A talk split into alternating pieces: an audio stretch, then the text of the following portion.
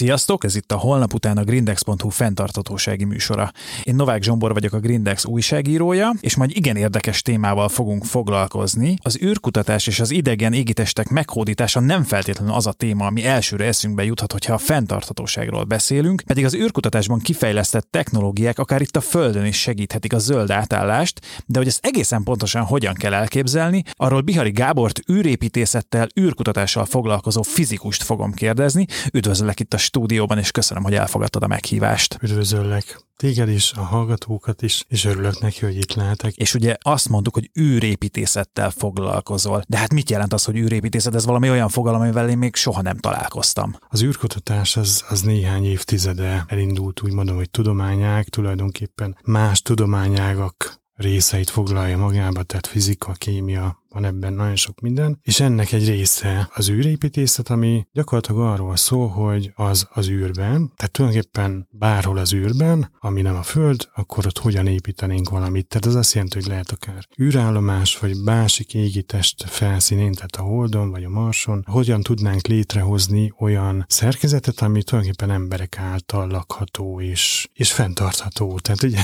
pontosan erről van szó. Tehát bármit akarunk csinálni ugye az űrben, annak igen komoly költsége van, tehát nagyon meg kell fontolni, hogy, hogy mit viszünk oda, és hát majd beszélünk ugye erről, hogy újrahasznosítás. De hát akkor, ha jól értem, amit mondasz, az űrépítészet az nem csak azt foglalja magában, hogy mondjuk egy másik égitesten építünk valamilyen emberi struktúrát, hanem tulajdonképpen az űrállomások is ide tartoznak. Igen, abszolút, sőt, hogyha úgy vesszük, akkor, akkor akár az űrhajók is, tehát igen, ez egy érdekes kérdés, mert nincsenek olyan éles határok, tehát hogyha valamit felküldünk az űrbe, akkor az elvileg mondjuk egy űrhajóként megy, de, de akár abból aztán lehet majd holdbázis, tehát hogy az éles határok nincsenek meg, bármi, amit felködünk az űrbe, abból lehet űrállomás, vagy űrállomásnak része, vagy holdbázisnak része, vagy ha messzebbre megy, akkor marsbázisnak része. Tehát igen, itt az emberi gondolkodásnak egy olyan, hogy is mondjam, rugalmas részével kell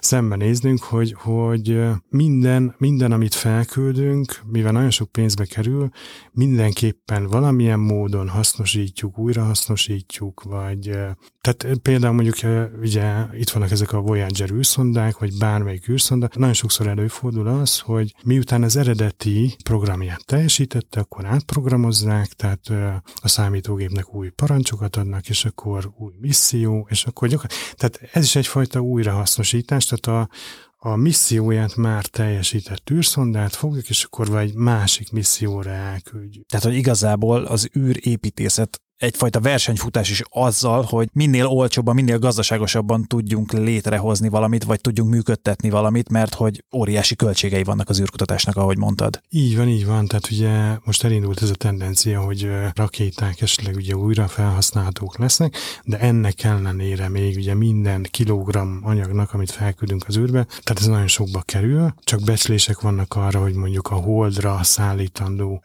hogy is mondjam, bázis bárminek a, a kilogramja, hogy akár 20 ezer dollárba is került. Hát a becslések szerint gyakorlatilag egy kilogramm anyag a holdon, amit odaviszünk, az többbe kerül, mint egy kilogramm arany. Tehát azt lehet mondani, mondjuk a holdon bármi van, az aranyárban van, tehát mindennek nagyon nagy költség van, és ez azt jelenti, hogy létérdek az, hogy mindent, mindent újra hasznosítani. És ha jól tudom, akkor a te kutatási területet pont erre fókuszál, mégpedig arra, hogy idegen égitesteken például akár a Holdon hogyan tudunk létrehozni olyan bázisokat, amely aztán alkalmas arra, hogy ott emberek éljenek. Hát tulajdonképpen ez, ez, ez a jövő zenéje, még nem tudjuk, hogy ez hogyan fog megvalósulni. Igazság szerint mindenki, aki ezzel foglalkozik, egy picit ugye sötétben tapogatózik, ugye rengeteg terv születik arról, hogy hogyan is kéne ezt csinálni, és hát hogyha mondhatjuk azt, hogy hogy az elmúlt években egy picit mondjuk szakértőjévé váltam a területnek, hát azt mondhatjuk, hogy én ugye annak a híve vagyok, hogy nagyon könnyű, felfújható szerkezeteket juttatunk el más égitestekre. Tulajdonképpen műanyagokról van szó, tehát az azt jelenti, hogy a korábban használt fém szerkezetek helyett inkább ilyen műanyag szerkezeteket használunk.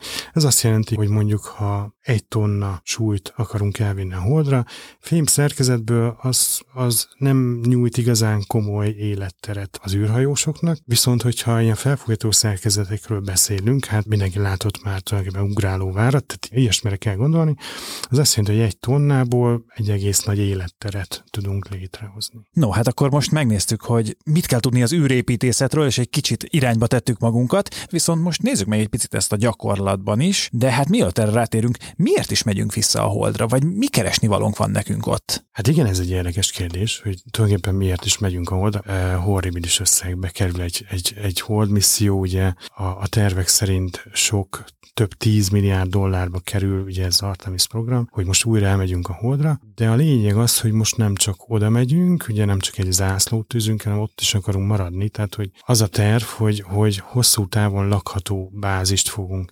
kialakítani a Holdon, és hát hogy miért is, tulajdonképpen nagyon egyszerű oka van, mert uh, mi itt a Föld felszínein nagyon mély gravitációs gödörben élünk tulajdonképpen. Nagyon erős a gravitáció, viszont Holdon sokkal gyengébb, és ez azt jelenti, hogy onnan, tulajdonképpen onnan kiindulva sokkal könnyebb felfedezni a naprendszer többi részét, vagy akár azt mondanám, hogy a szomszédos csillagrendszereket, mert ugye vannak már erre is tervek, hogy apró picike űrszondákat mondjuk napvitorlával elküldünk mondjuk a Proxima Centauri felé, és akkor 50 év múlva, tehát ezért emberileg belátható időn belül mondjuk megmondják, hogy, hogy ott van-e lakható bolygó, vagy nincs lakható bolygó. Tehát ugye a cél az lenne, hogy a, az emberiség picit terjeszkedjen, és hogy ez miért van, ugye azt tudnám mondani, hogyha tényleg ezt a példát, hogy néhány nappal ezelőtt, ugye amikor, amikor vezettem haza, akkor, akkor megálltam az autóval egy ilyen viszonylag kihalt útszakaszon, egy hortobágyon egyébként, és akkor lekapcsoltam lámpát, minden, és akkor így minden fényszennyezés nélkül gyönyörűen látszott a tejút, az egész univerzum, és akkor így ez a szinte már nem is hétköznapi tapasztalat, ez így mutatja, hogy, hogy hát miért megyünk. Azért, mert, mert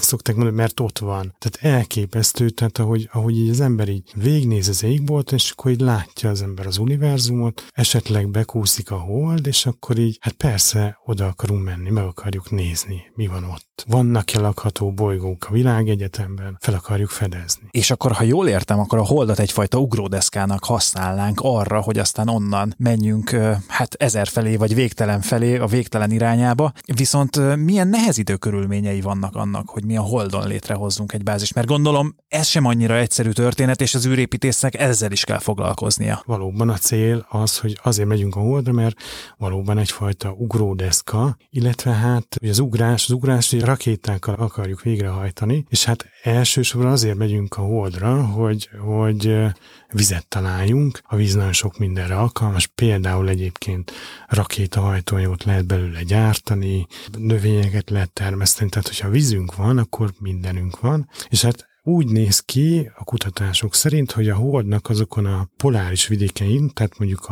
az észak vagy a déli póluson vannak ilyen mély kráterek, ahol soha nem süt be a nap. És ott rettenetesen hideg van, és elképzelhető, hogy ott mondjuk vízjeget találunk. Tehát elvileg megvan az a legfontosabb anyag, ami, ami ahhoz kell, hogy, hogy, hogy ott egy bázis létre tudjunk hozni, hogy emberek tudjanak élni, és hát mindenben ugye a nehezítő körülmény az, hogy hát azért nem vagyunk már benne abban a, a burokban, földanya méhében, vagy nem tudom, hogy hogy mondjam, ami megvéd minket a világűrnek a káros hatásaitól. Tehát a világűrben rengetegféle sugárzás van, a napból jön a napszél, különféle egzotikus objektumok, olyan energiális sugárzások jönnek, hogy igazániból szinte elképzelni se tudjuk azt az energiát, vannak ezek a kvazárok, fekete lyukak, minden ilyesmi, ilyen egzotikus égitestek, amiből nagyon durva sugárzások jönnek, és ettől meg kell védeni az embereket, a növényeket, bárki, aki ott akar lakni kinn az űrben, illetve hát ilyen nagyon aprócska porszemcsék is azt hinnénk, hogy az jelentéktelen mondjuk azok a porszemcsék, a üstökösökről leválnak, tehát olyan hatalmas energiával rendelkeznek, mint egy tankelhárító lövedék, tehát bármit szinte azonnal kiukasztanak egy egészen aprócska porszemcse is. Tehát nagyon komoly veszélyekkel is számolnunk kell. És ugye azt mondod, hogy az a védő burok, amit a földünk, a földanya nyújt, Hát ez ugye a Holdon nincsen meg, de hát akkor ezt valamennyire nekünk meg kell teremtenünk, hiszen különben nem nagyon van ott maradásunk. De ezt akkor hogyan kell elképzelni, hogyan tudjuk ezt megtenni? Arról van szó, hogy a Földnek szinte egy pici darabkáját kell nekünk ott megteremteni egy másik égitesten, hiszen ugye az űrhajós, amikor oda megy, a legelső dolog, amire mindig szükség van a levegő, oxigén kell. Tehát valahogy az oxigént például létre kell hozni inni kell, enni kell, és a többi. Tehát valamilyen módon ezeket meg kell teremteni, és hát a mi terveinkben tulajdonképpen az szerepel, hogy nagyméretű üvegházakat hozunk létre, akár a Holdon, akár a Marson, tehát más égitesteken, és akkor az ott termesztett növények azok, amik ugye az oxigént, hát egyszerűen fotoszintézissel ugye előállítják, és ugyanakkor ugye élelmiszert is termelnek. Valójában egy picike ökoszisztémát kell ott létrehozni egy másik égitesten, ezt valamilyen védő réteggel beburkolni, tehát üvegházakat tervezünk tulajdonképpen létrehozni, és az ember bizonyos mértékig ezekben az üvegházakban él, hiszen egyetlen főre legalább egy a 300 négyzetméternyi területű üvegházat kell létrehozni. Ez azt jelenti, hogy hatalmas alapterületű épületeket kell emelni, hogyha azt szeretnénk, hogy ott az emberek úgy tudjanak élni, hogy nem függenek a, a, a földi szállítmányoktól. Hát akkor most megnéztük röviden, hogy milyen kihívásokat tartogat számunkra a holdi élet, viszont egy picit beszéljünk arról is, hogy hogyan válhat önellátóvá egy ilyen holdbázis, mert ugye sokan olvasták Marsi című könyvet, illetve látták a belőle készült filmet, ahol egészen elképesztő volt az, hogy a főhős lényegében krumplit termesztett a Marson, és minden létező felszerelését egyébként újra felhasználta, új funkciót talált nekik, és hát azt gondolom, hogy egy picit így válhatunk önellátóvá majd a Holdon, vagy akár a Marson a későbbiekben. De akkor egy picit nézzük meg ezt, hogy, hogy mi kell ahhoz, hogy önellátóak legyünk egy másik égitesten. Egyébként ez a film nagyon jó és nagyon, nagyon precízen bemutatja, hogy tulajdonképpen mit is kellene csinálni. Ott is egy idő után ugye tudott kommunikálni a, a főhős a földi irányítással, tehát adtak neki ötleteket, az elején ugye saját ötleteiből indult ki, mert ugye tulajdonképpen arról szól, hogy véletlenül ott marad a marson. És tulajdonképpen ugyanez, ugyanez lenne a cél, hogy olyan dolgokat felvinni a Holdra vagy a Marsra, tehát más égitesre olyan dolgokat elvinni, amit maximálisan újra tudunk hasznosítani. Illetve nagyon fontos az, hogy a helyi anyagokat be tudjuk vonni ebbe, ebbe a folyamatba.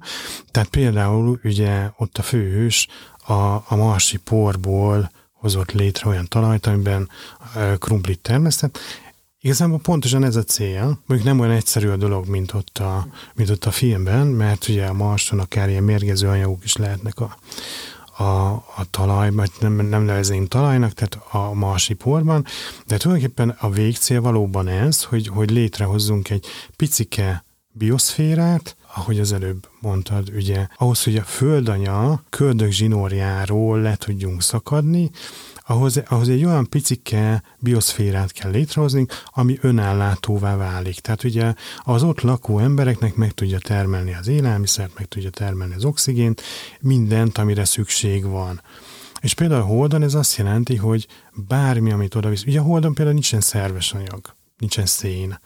Ez azt jelenti, hogy, hogy ha ott egy életteret akarunk létrehozni, minden kilogramnyi szerves anyag oda kell vinni, voltak éppen hatalmas költséggel.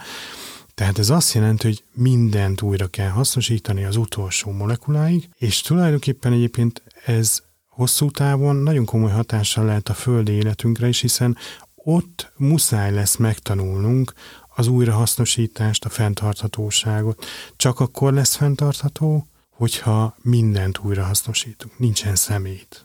Igen, hiszen ugye a földi bioszféra egy eléggé-eléggé uh, túl biztosított rendszer, amit ugyan most már kezdünk meghekkelni sajnos, de hogy még így is azt lehet mondani, hogy nagyon komoly regenerációs képességgel rendelkezik, viszont ugye egy ember által létrehozott bioszféráról ezt nem feltétlenül lehet elmondani, hiszen ahogy mondtad is, egy emberre több száz négyzetméternyi üvegház felület uh, jutna ahhoz, hogy egyáltalán megfelelő mennyiségű oxigén álljon rendelkezésre. Igen, tehát a földi bioszféra ez csodálatos, ahogy, ahogy, ahogy regenerálódni tud, ahogy megvannak benne azok a folyamatok, amik tulajdonképpen a fennmaradását elősegítik. Igazából azt tudjuk nagyon jó, hogy gyakorlatilag csak magunknak tudunk ártani, tehát a Föld ez fennmarad akkor is, hogy az emberiségesnek kipusztul. Tehát nagyon sokat tudunk tanulni ebből a folyamatból, hogy nekünk ugye létre kell hoznunk egy picike bioszférát. Ugye voltak már ilyen kísérletek, és akkor kiderült, hogy ilyen egészen apróságokon el lehet csúszni, hogy mondjuk üvegből készül a fal, és akkor az nem engedi át az ultraibolya sugárzást, és akkor ugye nincs például a D-vitamin, növényekben sem termelődnek bizonyos a kártevőket nem pusztítja el az ultraibolya sugárzás. Ilyen apróságokon múlik az, hogy egy ilyen kis bioszféra az működőképessé tud-e válni. Tehát ebből a folyamatból biztos, hogy nagyon sokat tudunk tanulni. Tulajdonképpen annak a feltétele, hogy az ember más bolygókon is megvesse a lábát, az az, hogy tudunk-e ott növényt termeszteni. Teljesen egyértelmű, tehát a leges legfontosabb az, hogy, az, hogy tudjunk növényt termeszteni. Ugye a gépek vesznek körbe minket, de voltak éppen a, a növények olyanok, mint valami rettenetesen bonyolult, de ugyanakkor nagyon hatékony aprócska gépek, amik ugye mindent előteremtenek, ami az ember számára szükséges. Tehát például belélegezhető levegőt, élelmiszert. Tehát ami hosszú távon az ember számára fontos, azt a növények tudják meg, és nincs olyan gép, ami ezt ilyen hatékonyan, ilyen tökéletességgel meg tudná csinálni. Tulajdonképpen egy új bioszférát kell létrehoznunk ahhoz, hogy meg tudjuk vetni a lábunkat egy másik bolygón, de akkor az utolsó részben még egy picit maradjunk itt, és nézzük meg azt, hogy például azok a problémák, amik itt a Földön jelen vannak, néhány olyan kihívás, mint például a hulladékkezelés, vagy éppen az újrahasznosítás, mindez hogyan oldható meg egy űrbázison, és miért fontos, hogy ezeket a kihívásokat kezeljük? Leginkább azért, mert ugye zsebre megy, nagyon, nagyon zsebre megy, tehát ugye minden, amit az űrbe feljuttatunk, hatalmas költséggel jár. Tehát ugye egy kilogramnyi anyagot feljutatni a nemzetközi űrállomásra, és több ezer dollár. A holdra feljuttatni még, még drágább, hát arról meg már nem is beszélek, hogy a Marsra, hiszen arra csak becslések vannak, de ott már több tízezer dollárról beszélünk kilogrammonként, hogyha a költségekről van szó. Tehát az azt jelenti, hogy életbevágó fontosságú, akár az ott lévő embereknek, hogy mindent az utolsó kilogramm anyagig újra tudjunk hasznosítani. Tehát, hogy egy példát mondjak, bármilyen eszközt mondjuk odaviszünk, az valószínűleg olyan anyagból lesz, amit utána be tudunk rakni egy 3D nyomtató szerkezetbe, és akkor gyakorlatilag a törött alkatrészből az a szerkezet létrehoz egy új alkatrészt.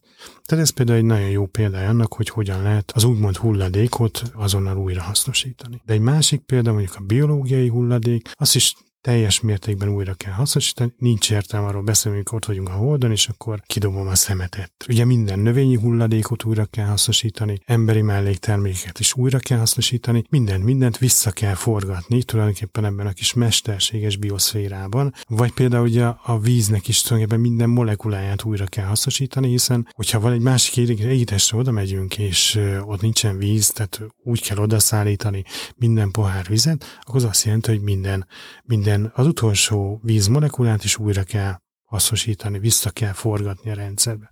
Nincs ilyen, hogy csatorna, lehúzzuk, akármicsoda, hanem, hanem az bemegy egy körforgásba, és akkor utána tiszta vízként kerül újra vissza a rendszerbe. És ugye az adás felvezetőjében azt mondtam, vagy azt vetítettem előre, hogy tulajdonképpen az űrkutatásban kifejlesztett technológiák itt a Földön is segíthetik a zöld átállást. És akkor gondolom ezek azok, amiket, hogyha meg tudunk valósítani odafenn, akkor itt lenni is tudnak nekünk segíteni. Ha arra gondolunk, hogy mondjuk egy holdbázist felépítünk, és akkor oda egymás egymás után mondjuk mennek az emberek, kutatók, tudósok, űrhajósok, az azt jelenti, hogy, hogy mindig megy anyag a holdbázisra. Tehát viszik magukkal az élelmiszert, ilyen olyan anyagokat, ez azt jelenti, hogy ott előbb-utóbb rengeteg anyag felhamozódik, tehát ez a holdbázis természetes módon növekedni fog, hogyha az újrahasznosítás az ugye megvalósul. Ugyanez igaz a Mars is. Tehát várható, hogy hosszú távon ilyen kolóniák fognak ugye ebből a folyamatból megszületni, egyre nagyobbá válik a, bázis, egyre több ember lesz ott, és tulajdonképpen a fenntarthatóság miatt egyre olcsóbbá válik az egész dolog. Tehát ilyen el tudom képzelni, hogy a századunk végére létrejön egy olyan állapot, hogy jóformán bárki el tud utazni a Holdra vagy a Marsra, és hogyha lehetősége van rá, akár ott is maradhat, akár mint tudós, akár bárki, aki, aki ott ezeken, ezeken az állomásokon dolgozik. És akkor várhatóan ugye ezeken a, ezeken a bázisokon, űrállomásokon, holdbázison, marsbázison kialakulnak ugye azok a technológiák, amik lehetővé teszik azt, hogy a, az újrahasznosítás az tökéletes legyen. Tehát nincsen szemét, hanem mindent újrahasznosítunk. Nyilvánvalóan ezek, ezek a technológiák vissza fognak kerülni a Földre, hiszen jól tudjuk, hogy a, az űrkutatásban számos olyan, olyan ö, technológia alakult ki, ami aztán itt a hétköznapi életünkben is teret nyert. Tudnál erre példát is mondani? Nagyon sokszor szokták emlegetni például a teflont, hogy, hogy ugye az egy űrkutatásban kifejlesztett anyag, de, de rengeteg olyan alkalmazás van a, az űrtechnológiának, ami áthatja minden nap életünket. Hogy más nem mondja, mondjak, ugye, ugye a telefonunk rengeteg olyan alkalmazást használ, akár a GPS-t, vagy, vagy, vagy internet, ami nagyon sokszor ugye műholdakon keresztül zajlik, tehát a becslések szerint én úgy tudom, hogy, hogy egy átlagember naponta 50 műholddal lép kapcsolatba, ilyen-olyan módon, tehát akár a telefonjával, vagy bármilyen más eszközzel. Tehát rengeteg alkalmazása van már az űrkutatásnak, az űrkutatás teljesen átfonja a mindennapi életünket, és azok a technológiák, amik ekközben kialakulnak, talán fel sem tűnik nekünk, de, de megjelennek a, az áruházak polcain is akár. Akkor most már megnéztük, hogy milyen kihívások állnak előttünk, hogyha például egy holdbázist szeretnénk létrehozni, illetve hogy abból mit tanulhatunk, viszont akkor egy picit még beszéljünk arról, hogy hol állunk most. Ugye itt említettem azt, hogy néhány év múlva újra indulunk a hold meghódításáért, de milyen további tervek vannak, vagy mondjuk a következő 10-15-20 évben milyen előrelépések várhatóak az űrkutatásban? Igazság szerint az űrkutatásnak most egy hatalmas forradalmát éljük meg. Most, most vagyunk benne ebben a, ebben a forradalmi jelenségben, tehát ugye létrejöttek az újra felhasználható rakéták, sokkal olcsóbbá válik ugye az űrbe feljuttatni bármit, és hát most áll fejlesztés alatt a SpaceX új rakétája, amivel még hatékonyabbá válik tulajdonképpen az űrutazás.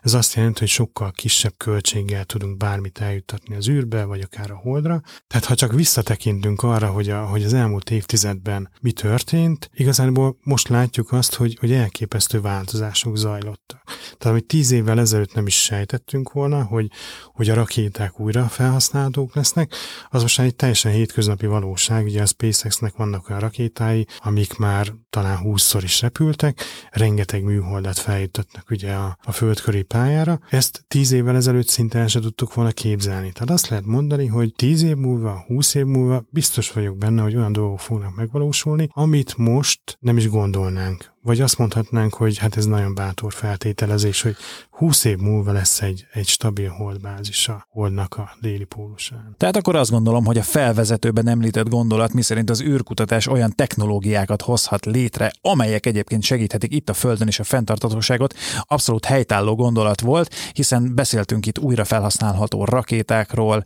újra felhasználható űreszközökről, és például arról, hogy egy holdbázis csak hulladék nélkül tud majd működni. Úgyhogy köszönöm szépen Bihari Gábor űrépítésznek, hogy velünk volt. Nektek pedig köszönöm, hogy ismét velünk tartottatok itt a grindex.hu fenntarthatósági magazinjával. Jövő héten újra izgalmas témákkal érkezünk. Sziasztok!